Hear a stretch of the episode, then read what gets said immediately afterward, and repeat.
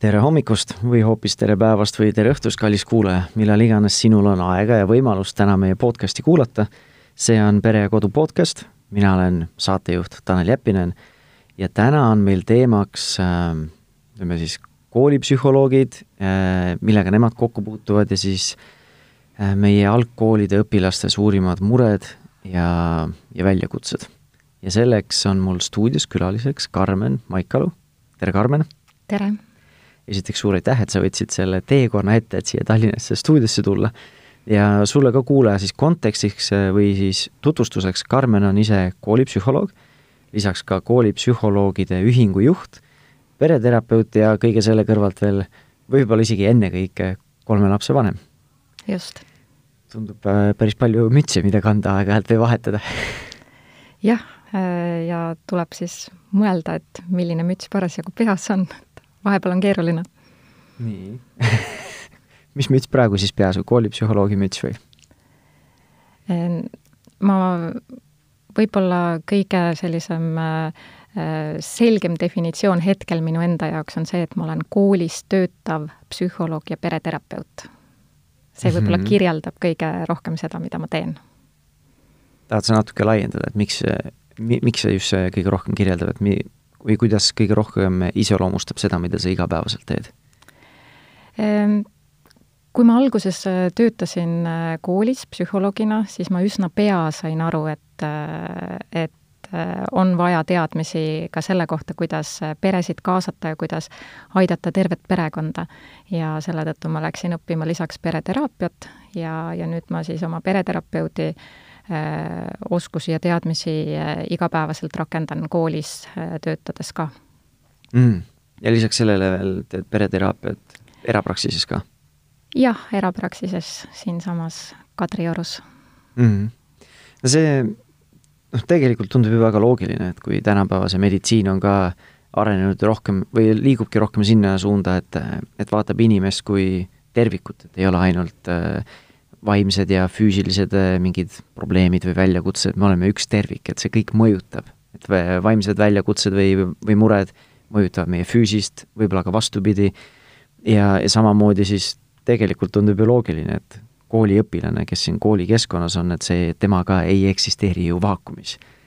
et äh, teda mõjutab nii koolikeskkond, sõpruskond, perekond äh,, ilmselt palju muudki just, äh, ja süsteemne pereteraapia vaatabki alati siis äh, äh, ühe isiku probleemi siis selles süsteemi kontekstis, et kuidas kaasata kogu siis ka ütleme, lapse puhul siis last ümbritsev süsteem, last ümbritsevad täiskasvanud ja, ja vaadata, kuidas siis ka muuta seda last ümbritsevat keskkonda nii, et see oleks lapse arengule võimalikult soodus. no kuidas sa seda siis teed? Selles mõttes, et kui sa oled koolipsühholoog, sa töötad koolis, sul on oma kabinet seal, nagu ma ei tea, kooli medõde võib-olla või arst või ma ei tea, kes seal koolis on.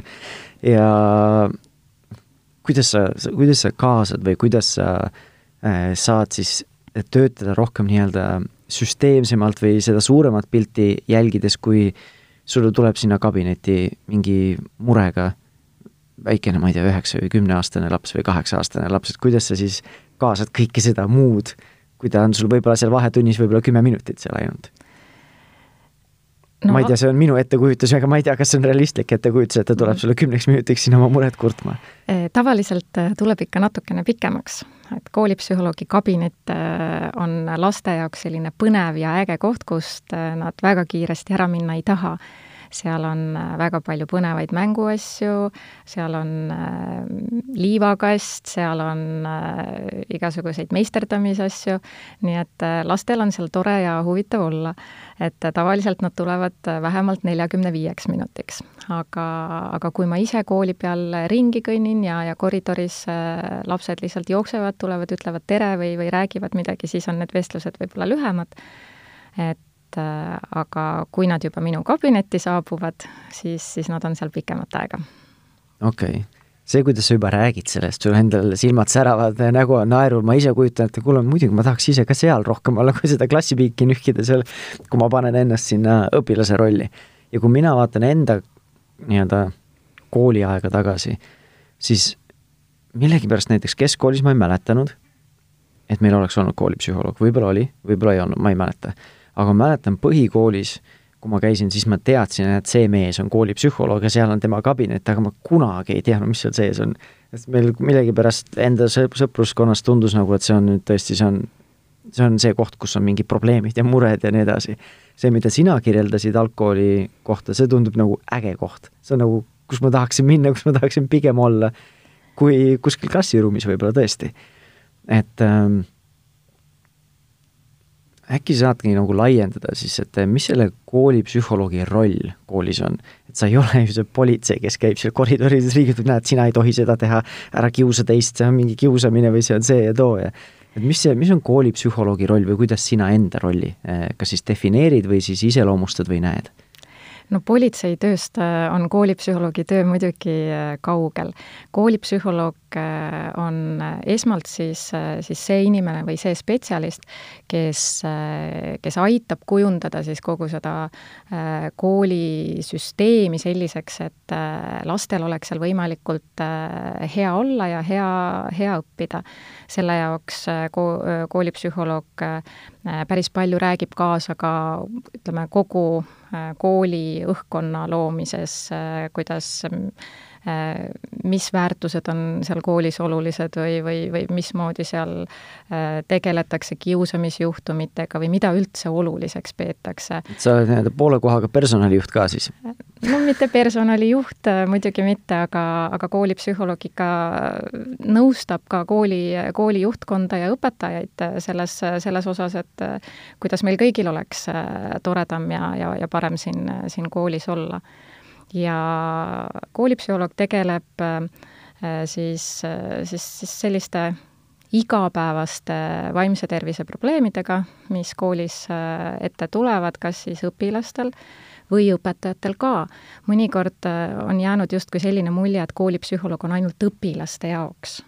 et tegelikult koolipsühholoog on ka õpetajate jaoks ja lastevanemate jaoks, sellepärast et õpetajatest ja lastevanematest ju sõltub nii palju, et kui õpetaja on äh, närviline või lapsevanem on õnnetu, siis, äh, siis see ju kõik mõjutab last ka, nii et koolipsühholoog räägib päris palju kaasa, kaasa selles, kuidas, äh, kuidas siis kõikidel kooliga seotud isikutel oleks võimalikult selline rahulolev ellusuhtumine, et nad saaksid lastele võimalikult hästi toeks olla. Mm,. no teoorias kõlab see ju väga ägedalt ja vahvalt. Ähm mis sul seal kabinetis siis direktoritele, direktrissidele ja õppealajuhatajatele ja õpetajatele on, kui lastel on liivakastid ja mänguasjad, siis tead, kas sa... neil on poksikott või midagi muud või? tead sa, ma ütlen, et äh, selle liivakastiga äh, kõige meelsamini mängivad äh, hoopis isad, kes tulevad. Nendel on esimene asi, silmad lähevad särama, vau, mis siin on, ja siis nad võtavad need mudelautod ja, ja asjad, mis seal on ja, ja nendele meeldib samal ajal, kui nad räägivad, samal ajal meeldib, meeldib siis, siis mängida, see on siis ka võib-olla natukene selline turvalisem ja mugavam, et ei pea lihtsalt äh, istuma ja, ja otsa vaatama. et ähm, et eks, eks need vahendite valik ja, ja, ja vestlusteema valik sõltub kõik konkreetsest olukorrast ja, ja, ja konkreetsest juhtumist. aga kui rea-, kui palju või sagedasti tegelikult sinu töö hõlmab neid täiskasvanuid? Või on nii põhimõtteliselt nii-öelda see suur või lõviosa sellest ajast, ressursist, energiast, tähelepanust äh, läheb ikka lastele, et on, vaatame lapsi nii-öelda rohkem nagu vaakumis ja kui palju on siis tegelikult nende täiskasvanute kaasamist? Äh, kuna mina mõtlen äh, nagu pereterapeut, äh, süsteemne pere, pereterapeut, siis ma alati vaatan, vaatan last siis, siis nende täiskasvanute keskel ja peaaegu alati kaasan lapsi ka, ma käin muidugi ka tunnis. täiskasvanuid sa mõtlesid? Jah, just, kaasan täiskasvanuid ka, vabandust, jah. et äh, ma käin tunnis äh,, võib-olla kui lapsel on näiteks mingid õppimisprobleemid või käitumisprobleemid, siis ma, siis ma käin, vaatan, kuidas ta tunnis hakkama saab, mis ta seal vahetunnis teeb, ma vestlen äh, õpetajaga, äh, õpetajatega, lapsevanemaga, mismoodi nemad näevad, mis on lapse mured või, või kuidas ta hakkama saab, ja siis loomulikult lapsega vestlen, mängin, vaatan, mis, mis tema sellest, sellest kõigest arvab ja, ja, ja siis üheskoos siis, siis mõtleme, mis oleks kõige parem selle lapse abistamiseks. ja seda ei saa teha ainult lapsega kahekesi. et seal on alati ikkagi vaja, vaja kuulata ka seda, et mismoodi lapsevanemate olukorda näevad, mismoodi õpetaja olukorda näeb.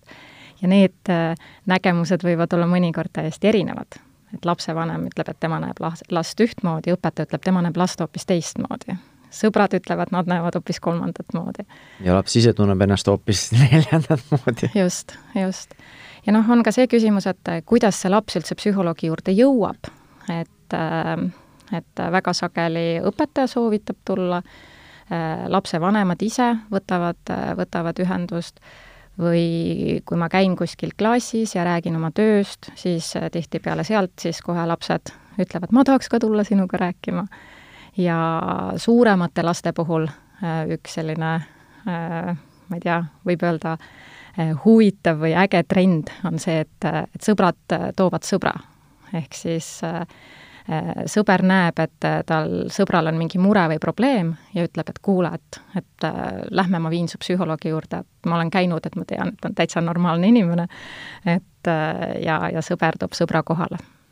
Ja suuremate laste puhul sa pead silmas siis algkooli neid viies-kuues klass õpilasi või räägid juba põhi- või keskkoolist? Ehm, ütleme, põhikooli ja gümnaasiumi õpilased on, on need, kes tulevad väga palju ise ja, ja tulevad sõbra soovitusel mm. -hmm no kuidas need äh, noored lapsed sinu juurde jõuavad? no nendega ongi nii, et, et kas siis õpetaja või, või, või lapsevanem suunab mm.. Mismoodi see koolipsühholoogi elu siis välja näeb, kas on kaheksast viieni hommikust õhtuni ühes samas koolis või mingi piirkond, et äh, käin iga päev erinevas koolis äh, või kuidas see, ma ei, mul ei ole isegi ettekujutust. Mhm. see on nüüd äh, väga erinev ja, ja sõltub, sõltub täiesti koolipsühholoogist, sõltub piirkonnast, kus ta töötab. on koolipsühholooge, kes, kes töötavad suures koolis täiskohaga, et ta ongi ainult ühes koolis. Ja on neid koolipsühholooge, kes käivad väikestes koolides, näiteks korra nädalas käib ühes väikses koolis kohal ja tal on siis ütleme, kolm-neli sellist väikest kooli, kus ta käib. Nii et äh, see on, see on väga erinev, sõltub siis kooli, äh, kooli vajadustest või ütleme, pigem kooli suurusest, sest tegelikult igal koolil on vaja psühholoogi. Ja, ja seadus ütleb lausa, et see psühholoog peab igas koolis olema, et aga kui palju ta seal kohal käib, et see siis sõltub kooli suurusest et ta peab olema kuskil hingekirjas või vähemalt märgitud, aga keegi ei mõõda, kui palju ta siis tegelikult seal võiks või peaks kohal olema või see on ka seadusega reguleeritud? no koolipsühholoogil on ikka, ikka täis, täistööaeg, aga, aga see, kui kui palju või ütleme, mitme lapse peale, kui palju koolipsühholooge peaks olema, seda, see on soovituslik, soovituslik on see, et, et kuskil kahesaja viiekümne õpilase peale peaks olema vähemalt üks koolipsühholoog mm. -hmm. ja see on oluline teadmine lapsevanematele just sellepärast, et et kui võib-olla ei ole endal finantsilisi ressursse, et siis koolis peaks olema psühholoog, kelle poole saab pöörduda.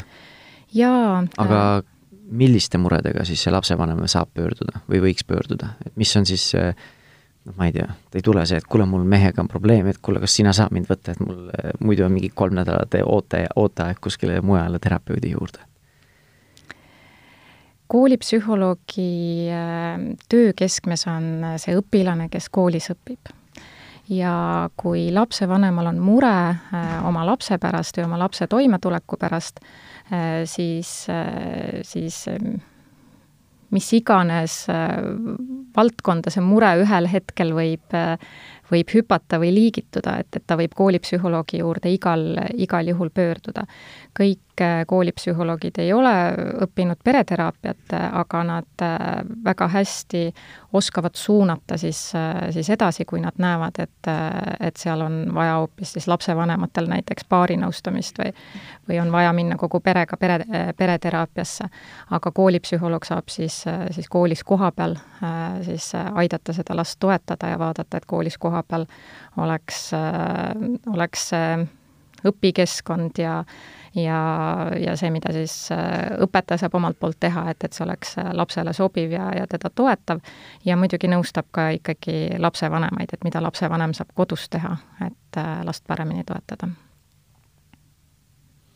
Ma püüan ikka veel aru saada, mis see, täpselt see koolipsühholoog teeb või mis tema nagu roll on selles lapse vaimse tervise juures, just selle koha pealt, et kui mina näiteks käin äh, baariteraapias või individuaalteraapias, siis mul on nii-öelda nagu regulaarne see rütmiline see teema, et ongi, me käime iga nädal või iga kahe nädala tagant, käime, arutame mingeid teemasid, võib-olla saame mingi kodutöö, et kuule, nüüd jälgi seda, seda mustrit või seda kohta ja proovi siis niimoodi käituda ja nii edasi, et nagu kas koolipsühholoog siis töötab enam-vähem samamoodi, et mul seesama laps tuleb näiteks iga reede mulle hommikul sinna, töötame temaga. Või siis on pigem selline nagu tulekahju kustutamine ja selline nagu esmaabi andmine ja siis vaata, nüüd sa äh, puudutad väga valusat kohta, et see, kuidas koolipsühholoogi töö peaks olema, et ta peakski olema selline regulaarne töö äh, siis äh,, siis äh,, siis konkreetse juhtumiga. ja, ja koolipsühholoogid nii üritavadki seda teha ja kindlasti ei käi seal siis regulaarselt ainult laps, vaid, äh, vaid käivad samamoodi ka lapsevanemad, kellega siis arutletakse, kuidas olukord on läinud ja koolipsühholoog saab veel edasi siis nõustada, mida, mida veel teha, tehakse ka selliseid kokkusaamisi lapsevanem, õpetaja äh, ja koolipsühholoog, et aruta, arutada kõik koos, äh, mida teha. Aga, aga kuna koolipsühholooge on meil nii vähe, äh, siis ta tihtipeale läheb selliseks tulekahju kustutamiseks. et koolipsühholoogidel sageli lihtsalt ei ole seda, seda aega, eriti kui ta näiteks satub sinna kooli ainult korra nädalas või, või, või kui see kool on väga suur ja on ainult üks koolipsühholoog, siis äh, tõepoolest äh, ta peab tegelema esmalt nende kriisijuhtumitega, et äh, keegi on seal võib-olla suurem selline äh, kiusamislugu või, või, või on mõni laps, kellel on vaja seal hinnata ära tema siis sellised äh, võimed, et kuidas, kuidas ta üldse suudab seal, seal koolis neid õppeaineid omandada või või siis, või siis on seal näiteks ennast vigastavad depressiivsed lapsed, mis on, mis on viimase aja ikka väga-väga selline tõsine, tõsine küsimus. et või, või lausa suitsiidijuhtumid, et, et need on karmid teemad ja siis, ja siis koolipsühholoog siis siis nende kriisijuhtumitega esmalt, esmalt tegeleb ja, ja loodetavasti jääb siis aega ka selleks, et ikkagi sellist regulaarset tööd teha. no nüüd läksid juba teemad väga tõsiseks, et aga milles see nagu puudujääk on, miks siis neid koolipsühholooge vähe on, et ei ole ta siis tasustatud või tegelikult ongi see nagu raskete teemade, teemadega töötamine või, või mingid muud, muud põhjused? No üks äh, küsimus on see jah, et, äh, et see tasustamise koht, et, äh, et paljud psühholoogid ütlevad, et, et nad mujal saavad paremini tasustatud kui koolis.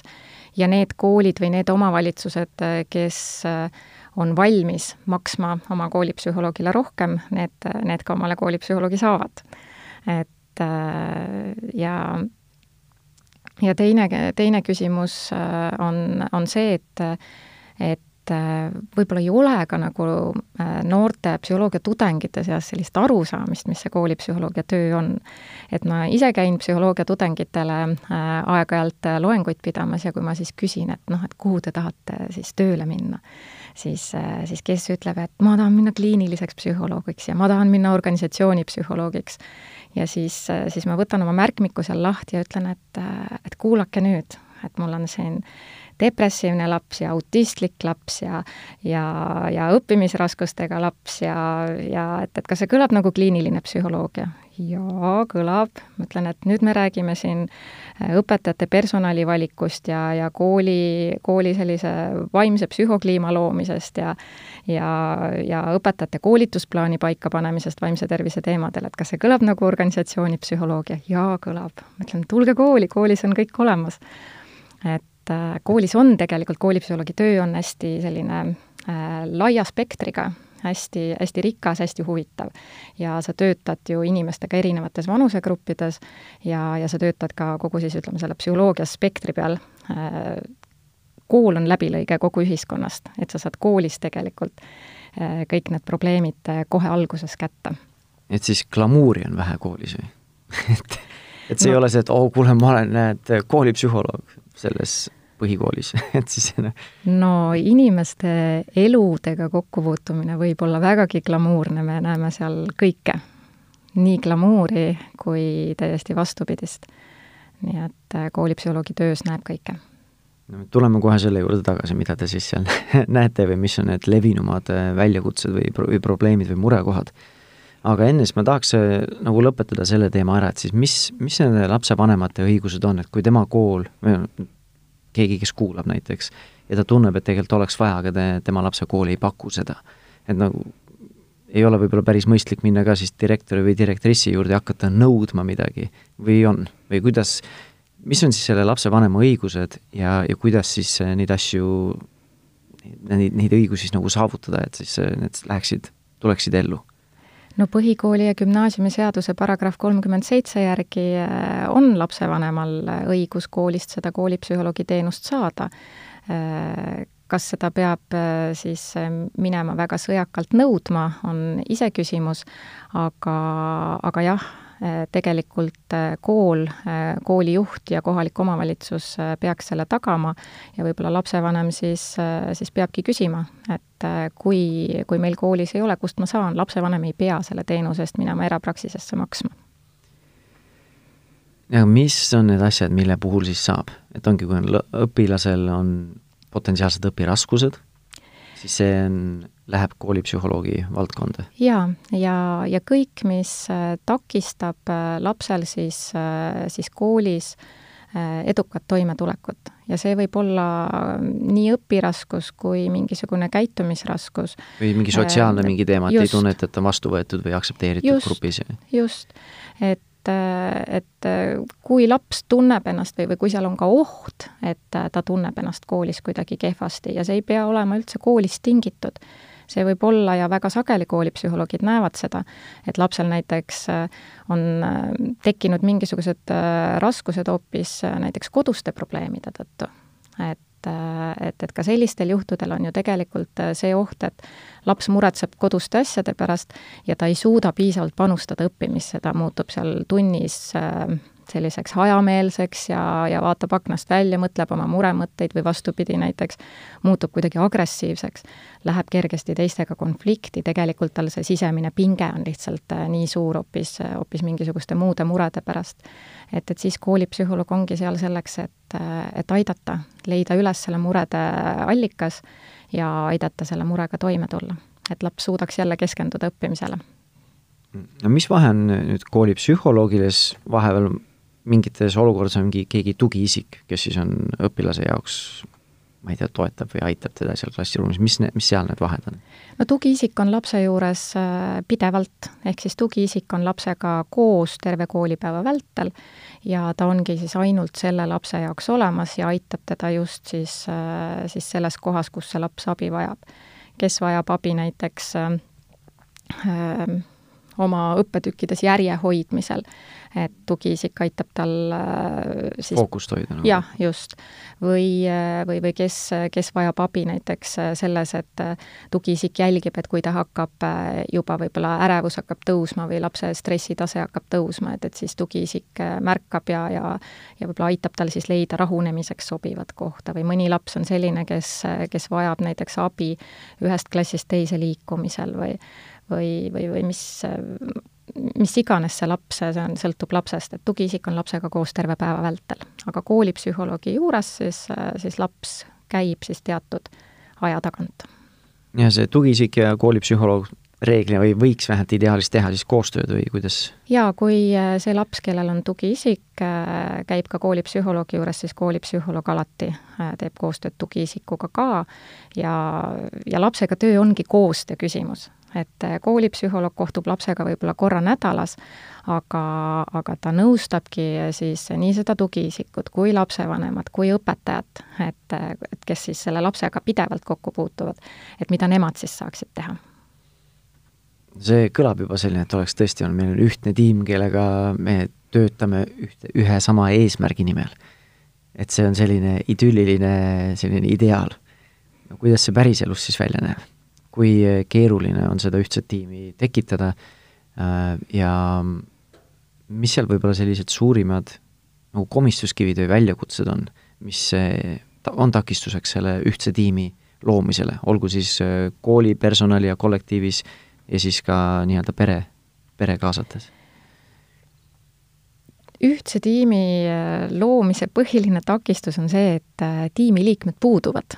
Sest väga paljudes koolides noh, ei ole neid tugiisikuid või, või ei ole sedasama kooli, koolipsühholoogigi, või siis on see, et, et need tiimiliikmed on hästi ülekoormatud, et kui ka õpetaja on näiteks äh, väga suure tunnikoormusega ja, ja läbipõlemise äärel, siis, äh, siis tal lihtsalt ei ole jaksu äh, siis veel, veel midagi lisa teha peale oma, oma tunni andmise või, või tunni, tunni ettevalmistamise et äh, aga mis äh, puudutab äh, koolipsühholoogi, siis, siis mõnikord on, on see raskuse koht see, et koolipsühholoogi kardetakse. et, et näiteks lapsevanem pelgab tulla koolipsühholoogi juurde, et, et mõtleb, et noh, et, et koolipsühholoogi juurde minnakse ikka mingite väga hullude probleemidega või, või, või et siis, nüüd võetakse mind liistule. või jah, ja et, et keegi, et keegi hakkab mind nüüd süüdistama, et ma olen halb lapsevanem või et et, et see esmane tulek, eriti ütleme sellisel juhul, kui sa ei ole kunagi enne psühholoogi juures käinud, siis, siis mõnikord on ka selline et äh, arvamus, et, et ma nüüd lähen hulluarsti juurde või, aga seda on tegelikult aina vähem, et, et kui mina kakskümmend aastat tagasi tööd alustasin, siis, siis oli küll, et kui ma kõndisin kooli koridori peal, siis väiksed poisid jooksid mööda ja hõikasid, näe, hulluarst läheb. et praegusel hetkel on see ikkagi üsna tavapärane, et psühholoogi juures käiakse ja seda, ma ei tea, me näeme äh, filmidest äh, kuskil, et, et nii nagu igal inimesel on oma, ma ei tea, perearst ja oma hambaarst, siis on oma psühholoog ka ja et sina ütlesid ka, et, et sa regulaarselt käid, nii et, et see sa-, on küll aina, aina tavalisemaks äh, saanud, et nii väga ei peljata. aga kui juba psühholoogi juurde see esimene kord on ületatud või, või, või tuldud ja, ja, ja kui lapsevanem näeb seda, et, et koolipsühholoog noh, nagu sa ütlesid, ei tõmba liistule või ei süüdista, vaid et koolipsühholoog ongi päriselt äh, see inimene, kellega saabki arutada, kuidas minu lapsel äh, läheks kõige paremini ja mis oleks minu lapsele kõige parem. et kui lapsevanem seda näeb, siis, siis tal ei, ei ole põhjust enam koolipsühholoogi peljata ma lihtsalt kujutan, minu lapsed veel ei käi koolis, aga ma olen ise koolis käinud ja siis ma ja nüüd, kui me oleme teraapias käinud ka, siis ma nagu sellist psühholoogi või terapeudi juures käimist ma ei seosta nagu kooli institutsiooniga üldse, et see ei ole see, mille pärast ma peaksin koolimajja minema. et siis see tundub minul endal juba selline väikene ma ei tea, nagu kas lahkheli või selline mentaalne kuidagi konflikt, et et kooli lähen selleks, et saada abi, kuidas me saaksime perena paremini funktsioneerida või kuidas ma saan oma last paremini toetada. et siis see, see on minu ettekujutus -hmm. et kas on selline stigma, mida peaks siis hakkama, peaks siis muutma? no mulle tundub küll, jaa. ja noh, see, sinu lapsed on lasteaiaealised, et tegelikult me liigume sinna suunas, et, et ka lasteaedades oleks oma psühholoogid. ja, ja paljudes lasteaedades juba on. nii et see koht, kus äh, laps suurema osa oma ajast veedab, et, äh, et see oleks loogiline, et, et seal on ka olemas need spetsialistid, äh, kes tema aitamiseks on vajalikud. ja, ja psühholoog seda kahtlemata on mida nooremad need lapsed on, seda rohkem mulle tundub, et on äh, see, olgu siis lasteaiapsühholoog või koolipsühholoog, et on rohkem, on vaja seda tuge tegelikult seda last ümbritsetaval, ümbritsevatel täiskasvanutel kui lapsel endal. et äh, noh, kui mina ise näiteks oma vanemusgruppides puutun kokku väga palju nooremate äh, laste vanematega, siis need tänapäeva need lasteaedade õpetajad tunduvad ka väga läbipõlemise äärel olevat. Ja võib-olla isegi algkooliõpilased, eks noh, kooliõpilased on natukene juba küpsemad, nad osk-, suudavad paremini reguleerida iseennast või võiksid vähemalt äh, arengu, are-, arenguliselt. et siis äh, ikka hallata kahekesi mingit kahtekümmet väikest põngerjat kuskil las-, lasteaias, kes noh, ongi nagu täiesti nagu marakratid ju ikka, väikesed, et et ei oska ennast võib-olla väga reguleerida, ei oska nii hästi teistega suhestuda, käituda veel oleneb, kas nad on tõesti nagu kuueaastased või kolmeaastased, seal on ka juba suur vahe. Et ähm, ma tunnen küll, et nii palju, kui ma neid lugusid kuulen või kui ma enda äh, lasteaias olen käinud, laste lasteaias, olen ka personalile käinud mingeid koolitusi tegemas, siis mulle tundub küll, et neil on abi ja tuge vaja, mitte sellepärast, et nad on kehvad või nad ei saa hakkama, aga neil on tuge vaja jaa, ja, ja, ja see töö ju ongi tegelikult keeruline, et, et nad on seda, seda muidugi kaua õppinud, aga see koormus, mis tegelikult õpetajatel on, et, et kui õpetaja seisabki seal klassi ees ja tema vastutada ongi seal kakskümmend pluss last, et see ongi tegelikult tohutu, tohutu vastutus. ja mõnikord siis ka, et, et kui noh, ütleme, õpetaja töö läheb seda paremini, mida parem koostöö on tal lapsevanematega et äh, ja, ja siin ka mõnikord ma näen selliseid konfliktikohti või, või selliseid äh, nagu erinevaid arusaamu või, või, või sellist nagu, et kus ei mõisteta teineteist kus lapsevanem ei mõista õpetajat või õpetaja ei mõista lapsevanemat. ja seal ka äh, mõnikord koolipsühholoog tuleb appi, et, et seda omavahelist mõistmist luua, sest tegelikult kui õpetaja ja lapsevanem ei saa omavahel hakkama, siis, siis see mõjutab otseselt last, siin on ka palju uuringuid tehtud, kus, kus on näha, et tegelikult äh, laps kannatab koolis, kui õpetaja ja lapsevanem omavahel äh, on erimeelsustega. nii et aga tavaliselt on see, et, et nii lapsevanem kui õpetaja, nad on ju mõlemad selle eest väljas, et lapsel läheks hästi. ja kui nad selle koha leiavad üles, et me oleme tegelikult ühe asja eest väljas ja me mõlemad seisame selle eest, et, et laps tunneks ennast hästi ja, ja lapsel läheks kõige paremini, siis sealt juba koostöö tuleb edasi ja ma juba näen mingeid nagu konfliktikohtasid, see, et kui õpetaja ja lapsevanem, see, et lapsel läheks hästi või et üldse läheks hästi, et need on väga erinevad ettekujutused mm, -hmm. sest äh, õpetajal on ju suur äh, selline nagu noh, tema üks vastutusalasid on, et kogu see klass funktsioneeriks hästi, mitte ainult, et ühel lapsel läheks hästi, siis kui üks laps või keegi teine seal juba mõjutab seda dünaamikat ja nii edasi, temal on oluline, et kõigil läheks hästi. aga lapsevanemal on ju see, et minu laps on see kõige tähtsam. ja, ja teine asi, mis, mis mul pähe kargas, on see, et kui äh, et see ongi see nagu mingil määral nagu kolmnurk, et mitte, et see peab olema vastand, vastand, vastanduvad need osad, aga ongi, et on õpetaja või siis kool, lapsevanem ja laps. et ähm, lapsevanemal on nagu raske, et ta tahaks ju olla või võiks või peaks olema nii-öelda nagu lapse poolel, kui seal on mingid konfliktid, aga samas nagu mõnikord on vaja olla ka kooli poolel, on ju et kuidas seal seda nagu õiget teed leida, sest ühelt poolt ma tahan, et minu laps usaldaks ja tunneks, et tal on alati minu tugi. loomulikult on seal nagu see piiride seadmine ka, et näed, ma toetan sind inimesena, aga ma ei saa sind, sinu seda käitumist heaks kiita või toetada seda käitumist. aga lapsevanemal on sagedasti seda vahet võib-olla raske teha. käitumisel ja lapsel ja tema vajadustel ja nii edasi. jah ähm,, ma olen näinud, et äh, kõige, kuidas ma siis ütlen äh,, võib-olla kõige targemalt toimivad need lapsevanemad, kes kuulavad ära erinevad pooled. et äh, hästi oluline on kuulata ära loomulikult oma, oma lapse nägemus, äh, võib-olla kui koolis on näiteks olnud mingisugune konflikt, et kuidas laps seda näeb, aga kindlasti on vaja siis ära kuulata, enne kui seisukohta võtta, siis ka, ka, ka näiteks õpetaja nägemus, et kuidas õpetaja näiteks klassi eest seda olukorda nägi. ja siis panna need, need kaks pilti kokku ja mõelda, et okei okay,, et äh, mis seal siis nüüd päriselt toimus, et no kas nii-öelda seda jutumärkides päris tõde ongi võimalik äh, nagu leida, et seal on nii palju erinevaid äh, tegureid, et igalühel on oma nägemus asjast? Äh, jah, aga, aga et saada mingisugust suurt pilti ja siin ka äh, tihti tuleb koolipsühholoog appi, kes aitab võib-olla neid äh, emotsioone näiteks äh, hoida, et, et need ei läheks kuidagimoodi äh, üle, üle piiri ja aitab võib-olla ka sellist erapooletut äh, pilku heita sellele, sellele olukorrale mm,. ja kuidas lapsevanemad võtavad seda erapooletuna või siis tunnevad ka, et see on kõik kooli, üks koolipere ja nemad on nüüd minu vastu või minu lapse vastu või on et võib-olla ma nüüd üle dramatiseerin kogu seda asja. on, on selliseid olukordi ka muidugi, et aga kui koolipsühholoogil on enne juba selle lapsevanemaga kontakt loodud ja, ja kui lapsevanem näe, juba tunneb seda koolipsühholoogi ja ta teab, et et ma tean, et koolipsühholoog tahab minu lapsele parimat, et siis, siis tal on ka kergem seda koolipsühholoogi võib-olla sellist kõrvalpilku siis aktsepteerida.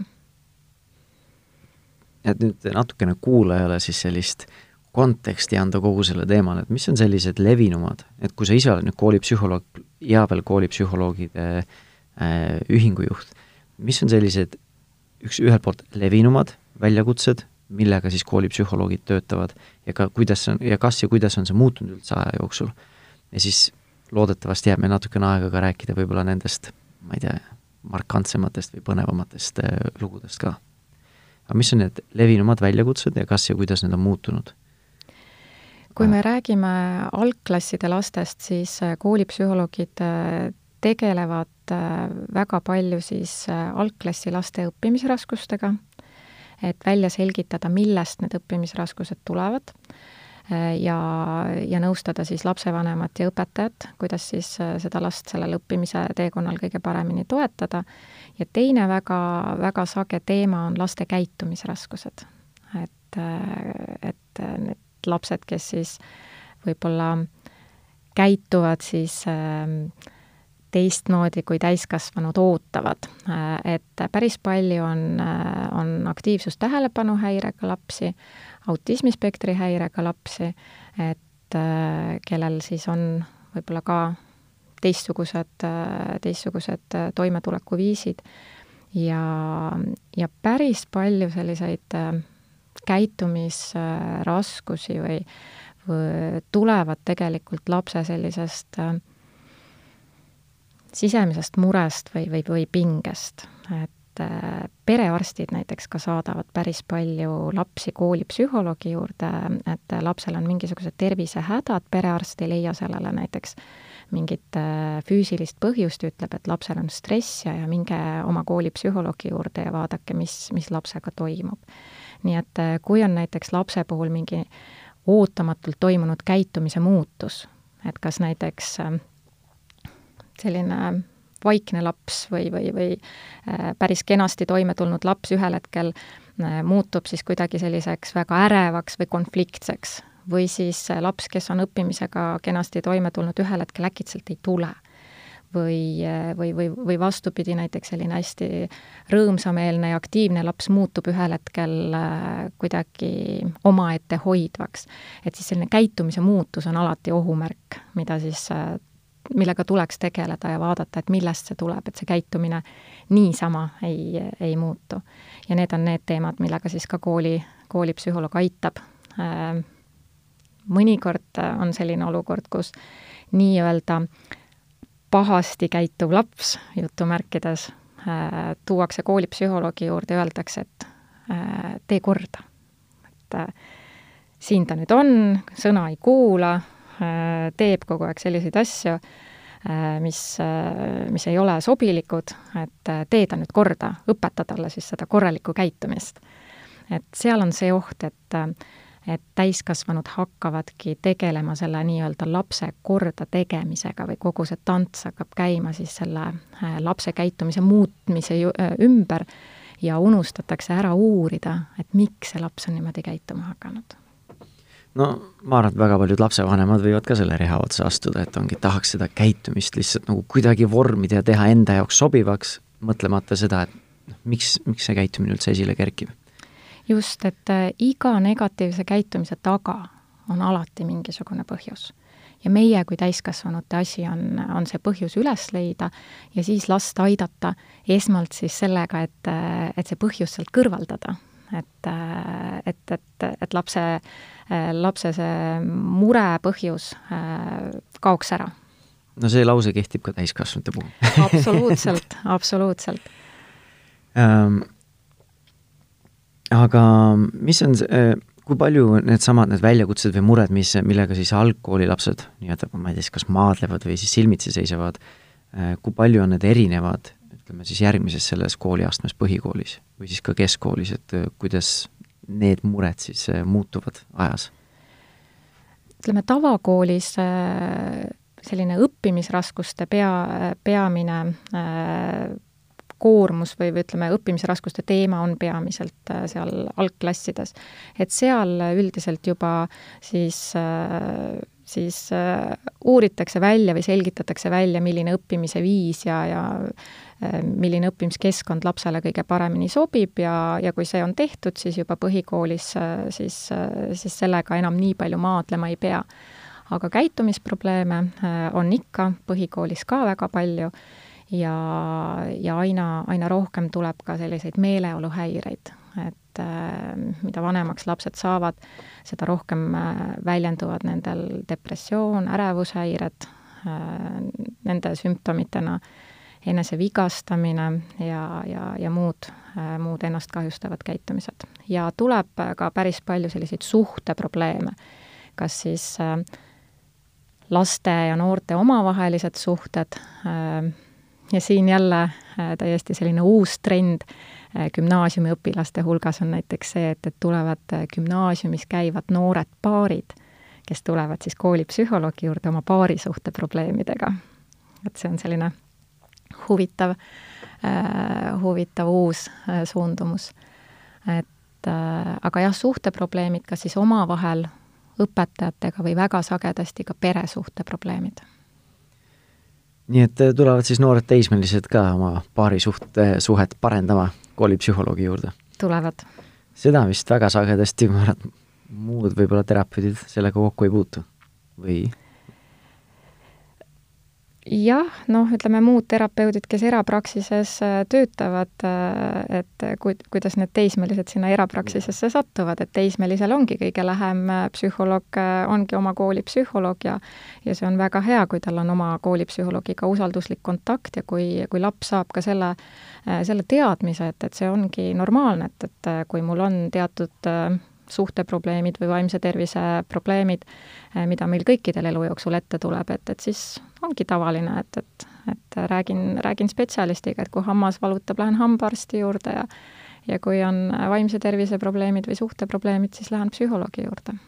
ei, mulle tundub ka igati terve, et kui noored juba vaatavad ka, et see on okei okay,, mul on mure, ma lähen otsin murele lahenduse, mitte ei marineeri selle sees kümme või kakskümmend aastat ja kuna, et see asi veel läheks veel toksilisemaks või suuremaks. jaa ja, ja teismelised on tegelikult väga teadlikud ja mul on väga hea meel selle üle, et, et vaimse tervise probleemidest äh, aina rohkem ja aina laiemalt äh, räägitakse. Ja, ja seesama, et, et näiteks äh, mõni teismeline näeb näiteks, et tema sõber postitab mingisuguse väga võib-olla tõsise sellise masendunud pildi või mingi meemi näiteks kuskil sotsiaalmeedias ja, ja siis ta ütleb talle, et, et kuule, et, et lähme räägime homme psühholoogiga või, või, või näiteks võtab ise psühholoogiga ühendust, ütleb, tead, ma olen oma sõbra pärast nii mures. aga see on tõesti vahva, kui sellised asjad oleks, see, need võiksid võib-olla olla veel rohkem levinumad, ma ei tea, kui levinud need on, aga ma ise tahaks arvata või kardan, et võib-olla ei ole need väga sellised igapäevased Nendes koolides, kus koolipsühholoog on olemas äh, ja, ja lapsed oma koolipsühholoogi tunnevad, siis, äh, siis nendes on see küll, nendes koolides väga tavaline. no see peaks olema see, et äh, psühholoogil on hea kontakt lastega või nii-öelda, ma ei tea, siis maine või siis et, et ei kardeta seda, et see on normaalne, see on võib-olla isegi äge, et kui sa lähed sinna, et sul ei ole, ma ei tea, ei hakata sind ka hin-, sind ka hindama või panna hinnanguid sulle, aga kuulatakse, ollakse sinu jaoks olemas, see ongi see koht, kus, kus saab tunda ennast kuulatuna. just, ja tunnevad ennast kuulatuna nii õpilased, õpetajad kui lapsevanemad mm. no meil hakkab siin see aeg otsa saama ja kas nendel teemadel võiks rääkida veel pikemaltki, aga paraku on see limiteeritud ressurss meil täna ähm,. nüüd, kui me proovisime sellele koolipsühholoogi või psühholoogia teemale läheneda või nagu erinevate nurkade alt rääkisime, kuidas see kollektiiv võiks äh, koostööd teha et kuidas üldse last vaadata kui sellist äh, osana tervikust, mitte nii-öelda vaakumis, et äh, kuidas kaasata vanemaid või miks võiks kaasata vanemaid, koolipersonali, last ennast äh, ja nii edasi. et kas on midagi, mis on jäänud sinu jaoks võib-olla kas tähelepanuta või tahad veel lõpus veel midagi üle rõhutada või midagi uut veel, uut veel äh, sisse tuua? võib-olla lihtsalt rõhutada üle, üle veel seda, et tegelikult iga lapsevanem on oma lapse ekspert ja see, kui koolipsühholoog äh, ka lapsevanemaga tahab vestelda, siis see on koolipsühholoogile abi, et äh, mina ei tunne seda last nii hästi. et äh, mina saan iga kord, kui ma lapsevanemaga vestlen, ma saan väga väärtuslikku informatsiooni, mida oskab anda ainult see lapsevanem. ja meie lapsevanemaga koos siis peame plaani ja, ja paneme siis äh, paika need eesmärgid, kuidas, kuidas lapsega töötada. et mõnikord ka näiteks öeldakse, et oh, et, et laps saab oma mure ära rääkida koolipsühholoogile, et äh, mis on hea, aga mina koolipsühholoogina, mm, ma töötan alati selles suunas, et laps saaks ühel hetkel rääkida oma mure ära oma emale või oma isale ehk siis koolipsühholoog ei ole kunagi asendusema või asendusisa, äh, ja vaid, äh, vaid koolipsühholoog töötab selles suunas, et et lapsel ja vanemal oleks, oleks nii hea suhe, et, et lapsevanem oskaks ise oma last toetada ja et, et nende suhe oleks nii usalduslik, et laps räägiks oma muresid siis emale või isale nii et äh, ka see on hästi oluline, miks, äh, miks lapsevanemaid kaasata, et just lapsevanemaid äh, toetada selles osas, et kuidas seda kontakti oma lapsega paremaks saada, et eriti, kui me räägime teismelistest, kes ju ka oma arenguliselt on sellised vahepeal ütlevad vanemale, et, et mind ei huvita ja hoia eemale ja ära räägi minuga ja jäta mind rahule, et kuidas ka selliste lastega siis seda kontakti kas siis hoida või, või vajadusel jälle taastada väga vahva, see on nii-öelda kirsiks meil siin tordil siis äh, kui äh, kedagi väga paelus see teema või võib-olla kõnetas isiklikult ka, siis esiteks, kuidas äh, saada üldse informatsiooni koolipsühholoogide kohta, kas teil on selle ühingul on koduleht või kui keegi samastus sinuga ja sinu nii-öelda vaadetega ja suhtumistega, et kuidas nad sind üles leiavad interneti avarustes? Jaa, koolipsühholoogide ühingul on oma koduleht koolipsühholoogid.ee ja psühholoogid on siis kirjutatud Y-ga. ja seal on olemas äh, siis äh, kõikide koolipsühholoogide kontaktid, kes äh, meie ühingusse kuuluvad ja ma julgen öelda, et enamus Eesti koolipsühholoogidest on meie ühingu liikmed. nii et sealt on võimalik võimalik neid kontakte leida, keda siis huvitab või, või kes vajab siis rohkem näiteks pereterapeudi abi, siis, äh, siis on Pereteraapia Ühingu koduleht, mis on siis äh, pereterapeudid.ee ja minu kontaktid on ka mõlemal kodulehel olemas. väga vahva suur,. suur-suur aitäh sulle, Karmen, et sa tulid meiega siin siis aega veetma ja oma, oma kogemusi jagama! aitäh kutsumast!